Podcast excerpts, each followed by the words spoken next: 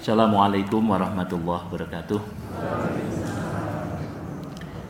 Alhamdulillah nahmaduhu wa nasta'inuhu wa nastaghfiruh wa na'udzu billahi min syururi anfusina wa min sayyiati a'malina may yahdihillahu fala mudhillalah wa may yudlil fala hadiyalah.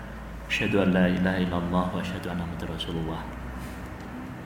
Alhamdulillah syukurillah Bapak-bapak Ibu-ibu yang berbahagia jamaah pengajian rutin Ahad pagi di Alarkom yang saya hormati, saya cintai, saya banggakan.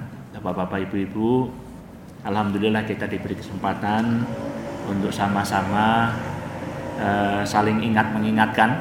Alhamdulillah kita saya mewakili BMT-BMT di Indonesia diminta untuk berbicara pada forum yang terhormat untuk menjelaskan mengenai gagasan-gagasan uh, eh, BMT itu, Baitul Mal wa Tamwil ternyata Baitul Mal itu hanya ada di Indonesia Bu, bukan uh, tidak ada di uh, tempat yang lain dan insya Allah uh, mereka berkeinginan untuk meniru uh, apa uh, BMT ini untuk di uh, coba di negara-negara uh, anggota uh, apa anggota OKI itu. Kenapa? Karena memang permasalahan dunia Islam sekarang itu itu hampir sama dengan permasalahan kita yakni ada dua persoalan sebenarnya, yakni pengangguran yang pertama, yang kedua kemiskinan. Apa Bapak-bapak? Pengangguran dan kemiskinan. Nah, kita ini menghadapi persoalan yang sekarang kurang lebihnya sama. Tapi ngaten meniko kados denten anu Bu, Bapak-bapak Ibu-ibu seperti putaran setan ya, gitu. Jadi orang menganggur akhirnya tidak memiliki kemampuan untuk menghasilkan sesuatu. Itu. Tidak manja kemampuan kagem apa itu Pak? Bu untuk mendapatkan penghasilan gitu ya karena menganggur. Nah karena penghasilannya tidak ada atau penghasilannya sedikit, nah kemudian dia menjadi tidak mampu memiliki akses terhadap pendidikan, buatan terdidik. Gitu. Nah karena tidak terdidik, akhirnya nuwun sewu ketika berkompetisi menjadi rendah bersaing tidak bisa gitu. Nah karena bersaing tidak bisa kemudian menjadi miskin. Gitu. Miskin melahirkan kebodohan, melahirkan ketidakmampuan berproduksi, tidak mampuan berpendapat, berpendapatan, pengangguran, dan melahirkan kemiskinan. Terus menerus, terus menerus, terus menerus. Ini harus kita potong. Karena di dalam ayat Al-Quran hak dasar dari seorang muslim itu ada dua setidak-tidaknya. Wa at'amahum min ju wa amanahum min khauf gitu. jadi ada dua. Hak dasar itu yang pertama tidak boleh lapar dan yang kedua harus aman. Itu. Itu hak dasarnya itu. Maka ini yang dua ini harus ada di tiap-tiap muslim. Nah nanti eh, selanjutnya kita akan bicarakan yang lebih menarik saya ketemu bapak-bapak ibu-ibu. Kebetulan bapak saya namanya Ahmad Amjad. Maka saya namanya saat Soeharto Amjad gitu pak. Nah ada uh, seorang yang menggerakkan Islamic Miracle Finance juga di Bangladesh namanya Muhammad Amjad gitu. Subhanallah dipertemukan gitu. Nah kemudian eh, di Pakistan ini orang Pakistan Bapak Muhammad Amjad ini punya satu lembaga namanya akhwat. Akhwat itu bukan ahwat putri bukan, tapi akhwat jika eh, mulai dari ukhuwah gitu. Uh, uh, muakkah bersaudara itu. Nah, ini ternyata subhanallah Bapak-bapak Ibu-ibu jadi gagasannya sederhana, saya kira itu merupakan gagasan kita semua, bapak-bapak, ibu, saudara-saudara sekalian. Dulu pada waktu Rasulullah membangun kota Madinah, itu terjadinya satu masyarakat Madinah yang uh, indah, satu masyarakat Madinah yang kuat, satu masyarakat yang uh, Madinah yang kokoh itu berjalin dengan yang pertama asas yang dilakukan oleh Rasulullah SAW adalah mempersaudarakan. Jadi mempersaudarakan sesama Muslim, mempersaudarakan antara muhajirin dan ansor Ada satu cerita indah. Waktu itu ada sahabat saat, bukan saat bin Abi Waqqas, uh, saat yang lain, bukan saat Soeharto Pak Bu. Ini uh, karena hijrah dari Mekah, kelas-kelasan ya Bu, tidak membawa barang apa-apa. Jangankan membawa barang, membawa badan saja, alhamdulillah tidak uh, terbunuh uh, ketika menuju ke uh, Madinah. Karena proses hijrah itu tidak seperti kita mau pesiar nih bapak-bapak ibu-ibu. Buatan badai kaya plesir. Nek jeng plesir niku uh, nopo ceng-ceng ngoten niku niku nampak gitu tidak apa-apa gitu. Tapi kalau mau berangkat uh, hijrah ini tentu anu nopo uh, penuh dengan harus sembunyi-sembunyi dan lain sebagainya seterusnya. Maka ketika sampai di Madinah tidak ada harta, tidak ada dan sebagainya keleleran nun sewu wonten ing tepi jalan sementara ada sahabatnya yang dahulu pernah bermitra uh, di Madinah yang kaya raya salah satu puak uh, kepala suku yang memiliki uh, bisnis yang cukup besar kemudian melihat kok dulu ini kayaknya saudaraku dulu nih yang pernah bisnis sama saya di Mekah Dulu hebat sekali ini di Mekah. Kok tiba-tiba ini uh, sekarang saya lihat keleleran ini di uh, Madinah gitu. Kemudian disambangi dan kemudian dikatakan, "Wahai saudaraku, kau dulu pernah berhubungan dengan aku dalam hal bisnis, kau pernah menolong aku di di Makkah dahulu. Maka sekarang sebagaimana pesan Rasulullah, aku berikan separuh dari hartaku kepadamu. Aku berikan Bahkan kalau aku berikan apa ladang, aku berikan harta, aku berikan bahkan istriku, pilihlah istri antara istri-istriku gitu. Kemudian apa kata saat mudah-mudahan hartamu menjadi rahmat bagimu, mudah-mudahan hartamu menjadi pensuci bagimu dan menjadi keberkahan bagi dirimu. Subhanallah. Cukup aku tunjukkan di mana letaknya pasar dan insya Allah Nah, setelah itu diletak di adukan pasar dan kemudian saat ini menjadi satu uh, apa uh, tokoh yang cukup besar. Tidak sebagaimana Abdurrahman bin Auf, tapi cukup luar biasa juga ya, saat ini. Nah, bapak-bapak, ibu-ibu, kerelaan yang demikian, saling mempersaudarakan yang sedemikian itu luar biasa. Kata Pak Muhammad Amjad ini, Pakistan itu terbelah jadi dua, separuh kaya, separuh miskin. Nah kalau saja yang separuhnya yang kaya ini mau mempersaudarakan diri dengan yang miskin, mau membantu yang miskin, maka insya Allah problem kemiskinan akan selesai. Gitu. Seandainya yang kaya-kaya ini hero terhadap saudaranya yang miskin, maka yang miskin ini akan bisa terentaskan dari kemiskinan. Maka dia membuat suatu lembaga akhwat namanya yang kemudian melakukan uh, pembiayaan juga kepada yang miskin. Ya persis seperti BMT dengan bentuk yang berbeda. Subhanallah hasilnya luar biasa mulai tahun uh, 99 2000-an lah begitu. Beliau memulai uh, sekarang sudah uh, 16 17 tahun dan subhanallah asetnya sekarang mungkin sudah sekitar 2 triliun lebih Bapak-bapak Ibu-ibu dan aset 2 triliun ini sudah pernah membiayai 1 eh, juta 500 orang dan sekarang membiayai masih membiayai 500 orang. Artinya yang 1 juta asumsinya sudah keluar dari kemiskinan. Terus menerus terus menerus terus menerus. Subhanallah kalau ini kita lakukan uh, saling kerelaan yang demikian kita lakukan insya Allah akan. Hari ini Pak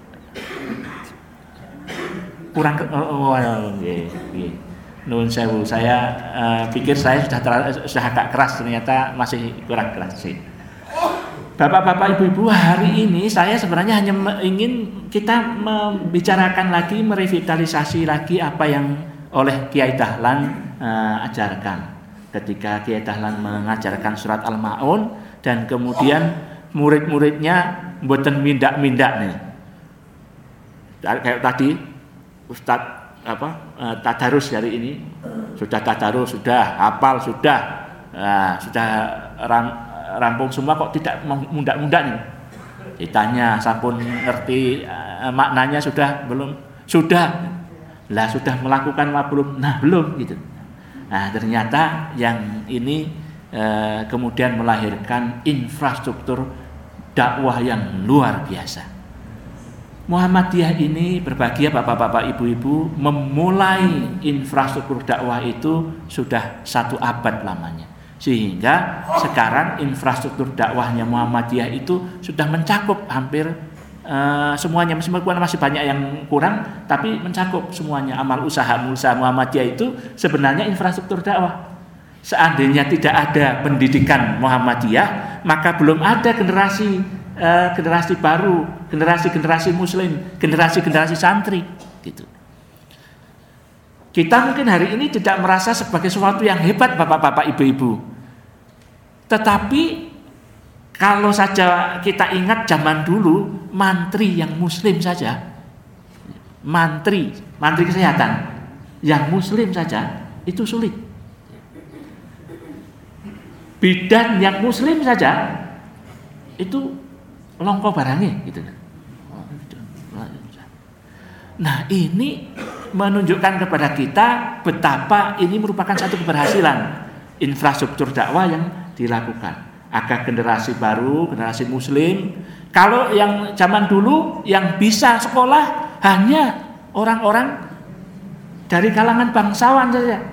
Masyarakat tidak mempunyai mempunyai kesempatan untuk mendapatkan pendidikan. Tapi subhanallah dengan gerakan pendidikan yang dilakukan Muhammadiyah yang jauh uh, telah uh, dilakukan uh, sebelum bahkan sebelum lahirnya Muhammadiyah, madrasah Muhammad madrasah yang dibuat itu uh, jauh uh, sebelum mulai didirikannya Muhammadiyah, maka hal tersebut merupakan sesuatu yang kita uh, perlu syukuri.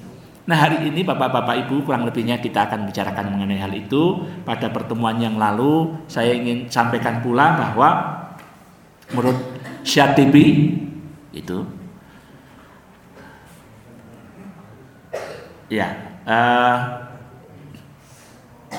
makosid syari mak maksud diturunkan syariat itu menurut uh, Syatibi adalah uh, kemaslahatan atau kemanfaatan yang kemaslahatan atau kemanfaatan itu ada pada lima pak bapak bapak ibu. Lima. Yakni hifduddin hifdunas hifdun nasal hifdul akal hifdul mal. Saya nggak urut lah ini. Pokoknya uh, lima. Ada lima.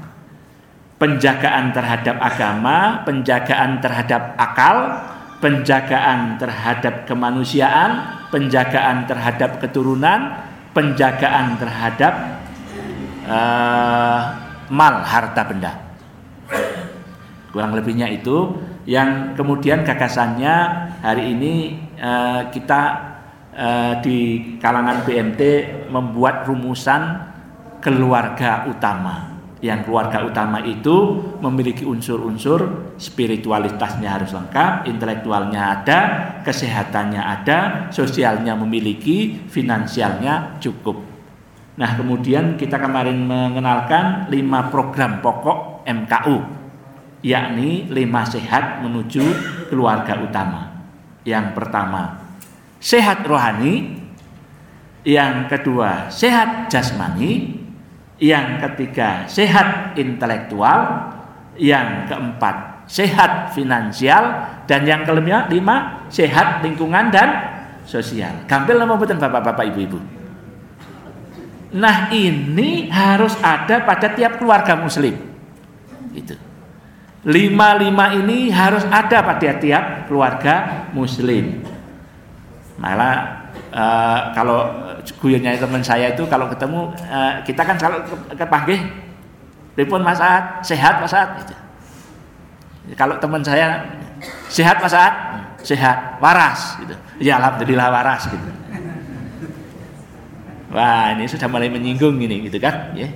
Karena sehat belum tentu waras. niki kanca kula niki rada menyinggung. Nah itu masih lagi harusnya dianukan sehat Pak Saat sehat Alhamdulillah waras waras Alhamdulillah iman gitu. Oke Alhamdulillah iman gitu, gitu, Jadi kita masih uh, sudah loh bapak-bapak ibu-ibu kecelakaan yang paling besar kalau kita tidak memiliki iman. Itu. Kalau kita sekedar waras mawon nggih niku masih. Tapi kalaupun misalnya wa, tidak waras ning iki duwe iman masih lumayan menika Pak Bapak-bapak Ibu. Tapi kalau sudah orang duwe iman ora waras mboten sehat wah naudzubillah min dzalik Nggih Bapak-bapak Ibu-ibu kata ngaten nggih. Wis lara ndresula. Wah niku naudzubillah min dzalik. Muga-muga kula dijauhkan nanti suatu ketika kalau datang sakit iya, mudah-mudahan kita bisa bersabar orang ndresula. Iman masih tetap ada di dalam dada. Bapak-bapak Ibu-ibu ini kurang lebihnya harus ada pada tiap diri masyarakat kita. Dan itu harus mulai dari ibda binafsik, harus mulai dari tiap diri, maka tiap diri itu juga harus sehat rohani, sehat jasmani, intelektual harus terus dinaikkan e, terus menerus karena yang namanya e, mencari ilmu itu mulai dari ayunan sampai ke liang lihat itu. Makanya alhamdulillah bapak-bapak, ibu-ibu masih hadir di sini memberi asupan pada intelektual dan spiritual kita subhanallah. Ini merupakan satu cara agar kita bisa sehat semuanya. Dan itu e, merupakan kewajiban yang pada tiap diri harus di e, yang berikutnya sehat finansial. Malnya kita harus kuat, bapak-bapak ibu, kita tidak boleh melahirkan generasi duafa. Betul gengeng mereka melahirkan generasi yang lemah lemah dari sisi finansial nggak boleh. Maka kita harus memiliki uh, apa mengajarkan kemampuan untuk berpendapatan eh, uh, dan berproduksi.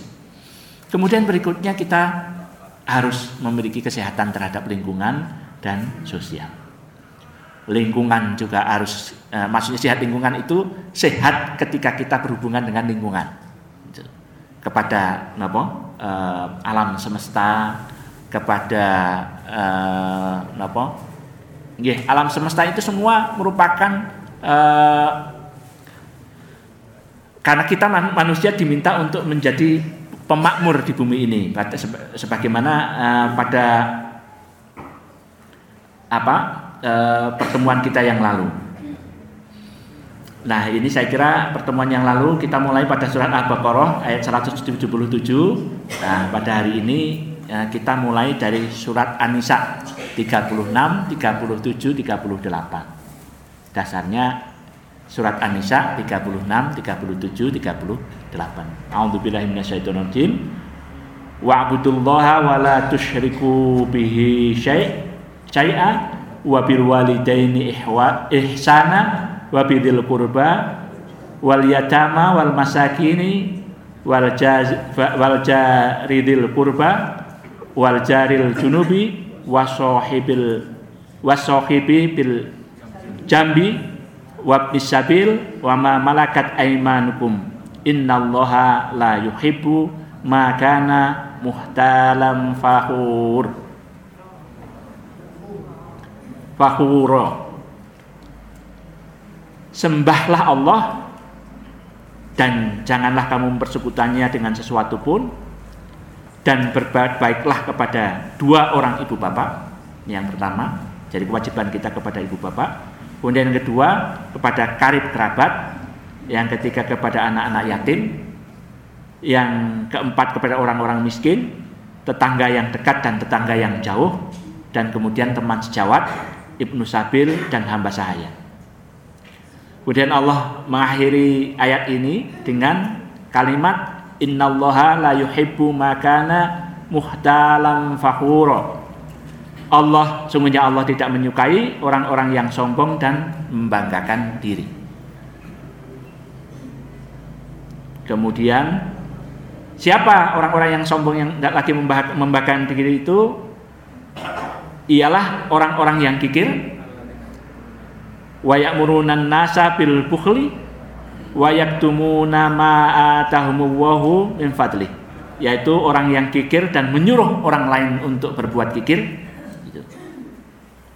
dan menyembunyikan karunia Allah yang telah diberikan kepadanya berupa kekayaan dan lain sebagainya dan kami telah menyediakan orang-orang kafir itu siksa yang menghinakan.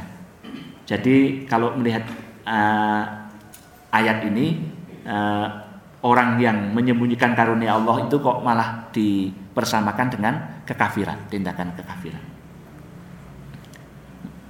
Ini tamparan tentu bagi kita ya yang uh, pelit, bahil, kikir. Ini uh, ayat ini merupakan satu tamparan yang keras bagi kita. Nah, pada ayat 38-nya, apakah kemudaratannya bagi mereka kalau mereka beriman kepada Allah dan hari kemudian dan menafkahkan sebagian rizki yang telah diberikan Allah kepada mereka? Maksudnya uh, kalau kita menginfakkan sesuatu sodako, uh, mensodakohkan sesuatu, zak, membayar zakat kita, insya Allah tidak akan ada kemudaratan bagi uh, orang yang melakukan. Maksudnya tidak akan miskin, kalau kita bersodakoh itu tidak akan ada kemudorotan, tidak akan ada kemiskinan. Nun sewu kalau bahasa kerteke ora Arab dadi kere nek wong sodakoh gitu. Insya Allah kurang lebihnya begitu. Dan Allah maha mengetahui keadaan mereka. Nah kalau saya gambarkan kurang lebihnya menjadi seperti ini. Jadi yang pertama ibda binafsik mulai dari diri sendiri. Kemudian yang berikutnya keluarga. Nah, kemudian ibu dan bapak, kemudian lingkungan. Gitu.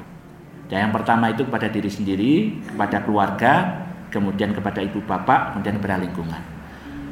Nah, sebelum masuk sini Tadi saya membahas mengenai Imam Syatibi yang menyatakan bahwa maksud dari syariah adalah kemanfaatan Bapak-bapak Ibu-ibu. Maslahat atau manfaat. Maslahat atau manfaat itu kalau dalam bahasa matematikanya karena saya e, orang teknik Bapak-bapak Ibu-ibu niku ngagemi rumus matematika gitu. Rumus matematikanya X dikurangi Y sama dengan plus itu yang namanya manfaat. Tapi kalau X dikurangi Y sama dengan minus niku mudorot. Kalau X dikurangi Y sama dengan 0, manfaat apa mudorot? Mudorot gitu. Jadi hanya manfaat kalau X dikurangi Y sama dengan plus.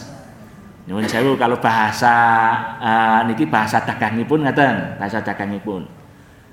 Tuku sewu didol sewu satus rugi napa bati? Bati niku. Berarti kalau rumusnya 110 dikurangi 100 sama dengan 10. Tasih bati 10. Sekarang kalau saya balik tuku sewu didol sangang atus. Berarti apa? Rugi. Berarti 900 dikurangi 1000 sama dengan minus mulai plus 100 Pak kalau 10 mungkin minus 100 niku buntung. Kalau seribu dijual seribu seribu minus seribu pok niku untung apa rugi? Rugi. Kenging apa rugi? Karena butuh operasional. Mangkat pasar yang nganggo duit Nah niku persis kadadene manungso kita semua bapak-bapak ibu-ibu. Di dunia ini kalau kita tidak melakukan apa-apa, bukan melakukan apa-apa nol berarti. Niku untung napa rugi? Rugi. Kenging napa rugi? Sebabnya kita minum minum pakai uang apa mboten? Makan pakai uang apa mboten? Udara yang kita hirup udara yang kita hirup dari Allah Subhanahu wa taala ini semua yang diberikan oleh Allah kepada kita berupa udara, berupa pikiran, berupa apa itu kalau kita tidak melakukan apa-apa rugi apa? Untung. Rugi. Itu artinya kalau kita tidak melakukan apa-apa berarti kita merugikan bagi masyarakat. Pertama merugikan pada diri sendiri, ini pribadi. Sekarang kalau kita lihat pada keluarga kita, kalau kita tidak melakukan apa-apa merugikan pada keluarga apa mboten? Merugikan pada keluarga. Kados ini niku kula mbiyen pada waktu lulus bar lulus teng griya niku klontrak klantruk klontrak klantruk niku bapak kula niku jan luar biasa niku. Walah. Mulia temen ya yang ini gitu turu. Nah niku menunjukkan bahwa kalau kita tidak berkontribusi apa-apa merupakan kerugian. Bapak-bapak, ibu-ibu yang nama manfaat itu adalah apa yang kita berikan itu yang kita berikan harus lebih banyak dibandingkan dengan apa yang kita dapatkan. Sakiti anu kan rumusan matematika ini pun mungkin. Jadi yang kita berikan pada diri kita sendiri dengan yang kita dapatkan dari diri kita sendiri harus lebih banyak yang kita berikan kepada diri kita sendiri. Kita memberi asupan intelektual, kita olahraga supaya sehat, kita uh, mencari nafkah untuk mandiri dan lain sebagainya, seterusnya. Yang kita keluarkan dengan yang kita dapatkan lebih banyak yang kita berikan, maka insya Allah kita hidupnya bermanfaat. Orang kalau tidak bermanfaat itu non sewu batin saya juga tertekan pak bapak-bapak ibu-ibu. Loh, bapak-bapak ibu-ibu, indahnya senengnya. Saya ngantos bapak wonten bapak-bapak ibu-ibu sing kon pensiun mawon kok mboten kersa. Kon pensiun mawon mboten kersa. Padahal yang namanya pensiun itu sudah merupakan sesuatu yang udah melakukan kok dulu. Saya sudah pernah ber apa? Sudah pernah berkontribusi pada waktunya yang saya diberikan. Ning kon pensiun, saya kon dodol ibu kula kan mboten dodol ngeten niku kok rasane Kenapa? Karena mendapatkan penghasilan dari tangan sendiri itu indahnya bukan main. Senengnya luar biasa. Puasa, merasa menjadi seneng puasa itu begitu dung puasa itu karena ada sesuatu yang kita perjuangkan. Kurang lebihnya begitu Bapak-bapak. Yeah. Nah maka bapak-bapak ibu-ibu kewajiban kita itu tadi dari diri pribadi kemudian keluarga yang berikutnya ibu bapak menurut surat Anisa tadi yang ayat 36 tadi kemudian lingkungan yaitu anak-anak yatim, fakir miskin, tetangga dekat, tetangga jauh dan teman sejawat. Jadi yang pertama tanggung jawab kita pada diri kita. Nggih, Bapak-bapak, semua dari diri kita yang pertama tanggung jawabnya pada diri kita. Kemudian keluarga kita ku amfusakum wa ahlikum nah. kemudian kepada ibu bapak tanggung jawab kalau sampai ada bapak ibu kok nuwun sewu nuwun sewu nah, untuk bila minta insya Allah betul wonten di antara keluarga kita ngantos keleleran maka yang pertama bertanggung jawab siapanya bapak-bapak putranya yang harus bertanggung jawab pertama adalah putranya dosa besar putranya Makanya yang benar. Kemudian baru lingkungan. Lingkungan itu uh, kalau karib kerabat ini dimulai dari kerabat terlebih dahulu. Itu. Kerab, anak yatim, fakir miskin, kerabat. Kerabat itu uh, korib yang dekat berdasarkan kerohiman, rohim, pers, uh, pers, apa, rahim, apa, ada berdasarkan keturunan, persaudaraan. Makanya ada silaturahim, mencari, membuhul, menali uh, arrohim, apa uh, yang berdasarkan keturunan itu ada tiga uh, ada tiga jenis nanti uh, tugasnya Pak Bapak-bapak Ustadz nanti yang menjelaskan mengenai hal ini. Nah tugasnya saya hari ini ini bapak-bapak ibu-ibu. Nah Wonosobo kemarin itu pada waktu uh, pelantikan pimpinan daerah Muhammadiyah Bapak Wakil Bupati kita menyatakan bahwa berdasarkan statistik Wonosobo itu merupakan kabupaten yang nggih ngaten niku termiskin. Jadas kados samdan ATT menika nggih lagunya aku ini termiskin di dunia. Alhamdulillah min dzalik. Padahal pancane kula pada protes. Loh, Pak Saat wong nek jenenge Wonosobo itu lebih makmur dibandingkan dengan tempat-tempat yang lain. Rumahnya lebih gede-gede.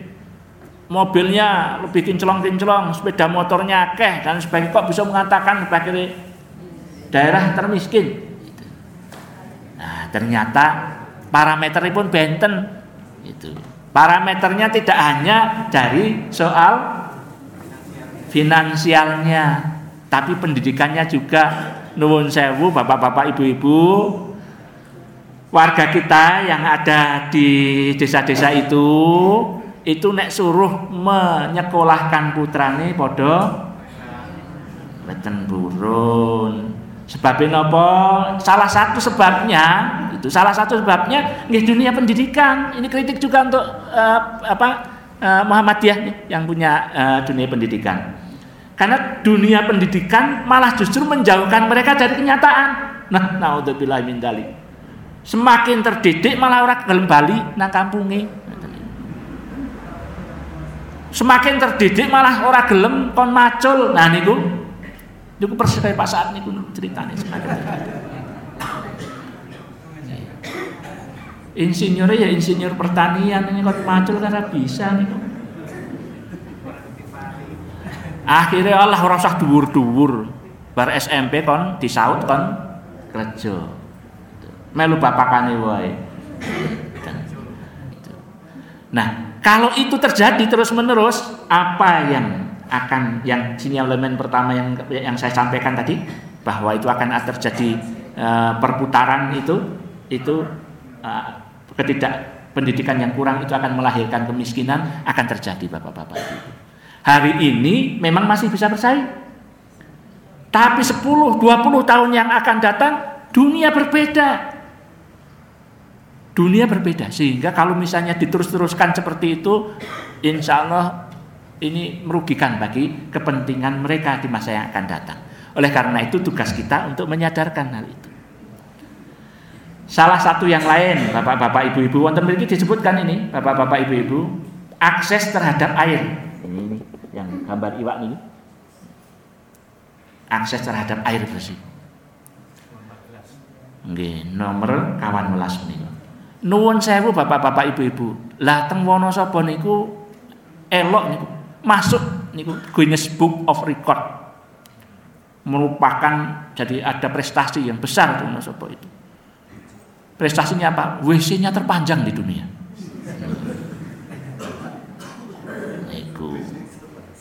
WC-ne niku sepanjang ada sungai dan sepanjang ada selokan dari WC kabeh.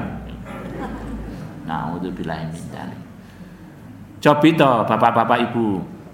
Wonosobo ini yang tot, uh, kalau kita lihat kampungnya berjajar begitu, rupa sempit kan seperti itu, tetapi napa? Uh, septic tank niku mboten wonten. Septic tank itu nek muni wong bangun ngeduk septic tank itu teng Wonosobo belum umum gitu. Nah, ini juga merupakan penilaian itu terhadap hal itu. Jadi nek nonton kaya niku yuk Wonosobo dunia nomuni miskin ampun tersinggung bapak-bapak ibu-ibu. Ya pancen iya gitu. Yuk kemudian tanggung jawab kita untuk menyelesaikan persoalan. Jangan kemudian kita mengatakan, "Was, urusanku." Sebab urusan kita itu adalah urusan seluruh muslim. Kalau seluruh muslim di situ uh, ada suatu perkara, ada satu urusan, maka itu juga merupakan urusannya kita. Milo bapak-bapak ibu-ibu menawi rumiyin nun sewu. Ada selokan mampet mawon. Niki rumiyin do. Zaman kulo alit niku gage-gage niku bapak-bapak sami uh, ngresiki sarang-sarang. Niku rumiyin nggih. Kalau hari ini ada selokan mampet eh tunggu dulu dari pemerintah. Leres Menawi rumiyin Nah ini yang bahaya itu kalau kemudian nanti ada orang yang menderita di sekitarnya, tunggu dulu pemerintah. Anjuk kapan Dewi melakukan kebaikan? Kapan kita mempunyai kesempatan untuk melakukan kebaikan? Maka bapak-bapak ibu-ibu kembali kepada al-ma'un yang tadi kita lakukan. Kembali bahwa setiap muslim adalah saudara. Maka mari kita revitalisasi yang demikian Malah niku wonten niku Muhammadiyah niku Muhammadiyah cap sing rada prapatya jelas niku. Bar bang napa nek muni bangun-bangun sekolah niku ling ngomong oh, tugasnya negara ling muni. Naudzubillah min dalik padahal dulu semua amal usaha Muhammadiyah itu merupakan infrastruktur dakwah. Persis seperti lima tadi lima yang kesehatan Muhammadiyah nggak kaca rumah sakit. Intelektual Muhammadiyah yang duwe pendidikan. Jadi amal usaha Muhammadiyah itu adalah infrastruktur dakwah. Makanya kalau misalnya ada orang mengatakan bahwa wah Muhammadiyah sibuk terhadap aum. Orang sibuk terhadap dakwah. Niku nggih menurut saya keliru besar karena di dalam infrastrukturnya uh, di dalam AUM itu adalah merupakan infrastruktur dakwah. Nek ono kurangi infrastruktur dakwah pendidikan ini tidak membuat melahirkan generasi-generasi Qurani ya ditandani. Ya, Uh, belum melahirkan generasi-generasi ulil albab ya dibenahi supaya ini bisa menghasilkan sesuatu dan lain sebagainya seterusnya infrastruktur yang paling utama di dalam semua itu adalah masjid. Itu. Maka ini uh, kami ini lagi diskusi dengan Pak Paryo dan lain sebagainya. Bapak-bapak ibu-ibu monggo kita berpikir seandainya Al Arkom ini bisa menjadi pusat peradaban di Wonosobo ya. Allah Rabbi kalau kemudian Wonosobo itu melihat bahwa sinar cahaya Islam itu dimulai dari Al-Aqam ini ya, subhanallah. Maka ini lagi kita berpikir bagaimana caranya ini bisa memenuhi fungsi masjid yang tidak hanya satu, tetapi fungsi terhadap sosial dan sebagainya bisa kita lanjutkan. Tadi saya membicarakan hak dasar yang pertama adalah tadi at-amahum min wa amanahum min khauf Berarti paling tidak hak dasar menungso niko kalau di sini ada 17 ya. Ada 17 parameter. Parameternya ada 17. Kalau yang di sini paling tidak dua itu. Manusia itu mendapatkan at amahum minju ketika dia lapar ada yang memberi, ada yang apa? Ada makanan. Ada yang dimakan kemudian dia tidak khawatir. Hidupnya itu tidak khawatir. Maka kalau misalnya sudah punya rumah ning iki khawatir itu juga uh, tugas negara untuk membuat keamanan terjamin. Itu tidak dasarnya ada dua. Maka kita bernegara dasarnya juga hanya dua itu. Tadi sudah saya sampaikan. Nah ini lima program pokok MKU kalau kita gambarkan kurang lebihnya begini Bapak-bapak Ibu. Jadi yang pertama sehat rohani, ini parameter kalau tadi itu eh, 17, nah sekarang sehat rohani, sehat jasmani, sehat intelektual, sehat finansial, sehat lingkungan dan sosial. Saya percepat sehat rohani ini monggo Bapak-bapak Ibu bisa uh, membuat suatu kegiatan-kegiatan baik itu kegiatan uh, di PKK kalau kinten ibu-ibu Aisyah NA itu uh, harus aktif di dalam lingkungan. Karena doanya uh, seluruh keluarga adalah lil muttaqina imam menjadi imam bagi orang-orang yang bertakwa. Jadi monggo.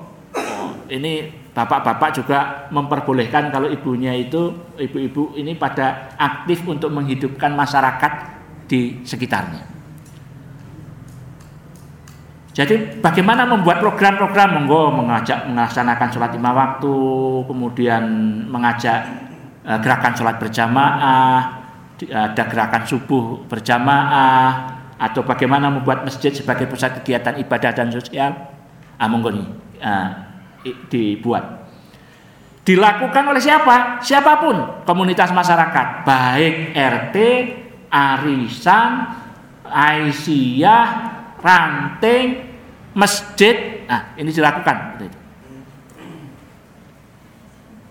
Syukur-syukur kalau ini kan menjadi ramai pengajian kita ini karena Pak Parjo mengundang nih bapak-bapak ini diundang.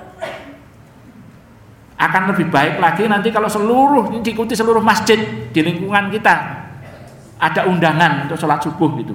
Diundang satu persatu. Undangannya sengleks gitu. Diundang undangan pisan aneh temen gitu. undang kedua ini undang kedua alah ini orang teka izin rasanya ya, pertama izin karo Pak Baryo apa kondisi itu kan ah monggo dicoba itu sehat jasmani ini gerakan ini saya kira Islam itu mengajarkan kesehatan bapak-bapak ibu secara sekalian nun sewu dahar separuh eh, sepertiga diisi makanan, sepertiga diisi minuman, sepertiga diisi udara. Ini kok ajaran saking sinten Bapak, Bapak, Bapak Ibu? Rasulullah. Gitu. Saya ini termasuk yang perutnya ini kalau ketemu sahabat Umar kayaknya saya sudah dibentak sama sahabat Umar ini. Saya ini. Ini termasuk yang tidak sehat. Kata sahabat Umar ini membuat kamu itu menjadi malas beribadah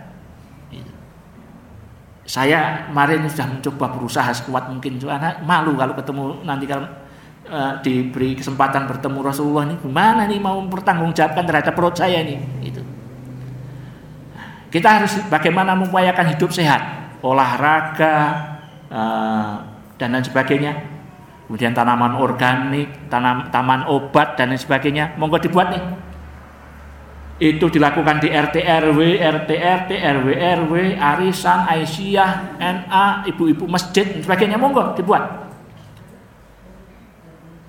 Kan wonten itu napa? Uh, plastik-plastik bekas napa? Minyak goreng. Nah, dibuat jadi itu kemudian nanti besok besoknya lagi lomba apa bukan apa? Saling berhibah bibit wah saya punya bibit bibit celai, saya punya bibit pocai, saya punya bibit apa dan pak dan sebagainya. Ya, saling saling apa? Uh, karena dengan demikian maka sayuran sayuran-sayuran yang kita makan, makanan-makanan yang kita makan juga makanan-makanan yang sehat. Mengurangi angka kematian bayi dan ibu melahirkan ini termasuk cukup besar di Wonosobo. Yang berikutnya sehat intelektual sarana dan sarana pendidikan Muhammadiyah juga sudah membuatkan. Nah, Bapak Ibu Ibu mengalokasikan anggaran untuk pendidikan. Ini kadang-kadang kita tidak mengalokasikan anggaran untuk pendidikan. Nuwun sewu, kalau misalnya kita tanya pada Pak Tri, nih Pak Tri ada di sini. Pembelian buku itu di Wonosobo termasuk tinggi atau rendah Pak Tri? Itu rendah sekali Bapak-bapak Ibu-ibu. Padahal Bapak-bapak Ibu ide, ilmu, buku itu jendelanya dunia. It, kita akan mentok kalau kita tidak memberi asupan intelektual. Maka kalau kita tidak memberi alokasi anggaran untuk intelektual, kita juga akan mentok. Saya meminta kepada ini terutama ibu-ibu untuk membuat taman baca dan ilmu ini kalau taman baca ini dibuat di tiap RT RW kemudian nanti ada gerak misalnya mriku diajarkan bagaimana mengolah barang bekas buat macam-macam lah niku insya Allah kok ini menjadi suatu gerakan yang indah. MKO di bidang rumah baca dan ilmu misalnya dan sebagainya. Mengembirakan majelis ilmu pusat studi dan sharing knowledge. Pusat studi dan kita ini kadang-kadang seneng kalau napa ngumpet ke ilmu. Ilmu malah buatan diberikan malah dumpet ke. Nah ini akan membuat kita menjadi apa uh, sulit untuk mengejar ketertinggalan.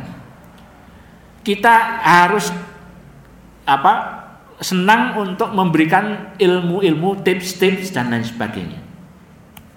Sehat finansial. Kemarin pada waktu pertama kita di sini pertemuan kita di sini kita minta ibu-ibu untuk mengajarkan kesehatan finansial. Kapan-kapan mungkin kita perlu untuk membicarakan mengenai Bagaimana mengatur keuangan? Itu. Mengatur keuangan ini sesuatu ilmu yang penting, tetapi tidak jarang atau jarang sekali diajarkan. Bahkan ibu mengajarkan kepada putranya aja jarang ini. Padahal itu gampil itu. Bundeli ngagem bundelan abang, nek abang ora kena tinggu, nang bundelan abang. Nang bundelan ijo lagi sing oleh tinggu. Nang bundelan ini niku Arab dikareti nggih oleh, arep di neh nanggon amplop nggih angsal gitu. Kalau bapak-bapak ibu nabung, menabung nunggu turah, ora bakal turah. Niku hil yang mustahil. Nabung kan menunggu kalau turah, nggih boten kakek turah maka memiliki budaya menabung, memiliki perencanaan keuangan dan lain sebagainya seterusnya. Sehat lingkungan dan sosial, maha melihara lingkungan, go green, air bersih, membangun septic tank, peduli dan berbagi, pengajian, membuat arisan, bagaimana bersosialisasi dengan masyarakat, bagaimana membuat niku Pak, Bapak-bapak Ibu taman bermain di lingkungan itu. Kita harus peduli engkang makatan minum Bapak, Bapak, Ibu-ibu di kampung kita, kampung kita jangan hanya isinya lorong-lorong, tapi harus ada tempat berkumpulnya masyarakat. Kalau yang paling baik di masjid itu dekat masjid ada tempat bermainnya, ada apa sarana olahraganya di sekitar masjid, maka masjid betul-betul akan menjadi pusat peradaban. Masjid atau musola menjadi pusat peradaban. Kalau kita mekaten mohon maaf jika banyak hilaf dan alpa. Uh, banyak yang uh, kurang pas kurang trapsilo ngapunten Bila taufik walhidayah Assalamualaikum warahmatullahi wabarakatuh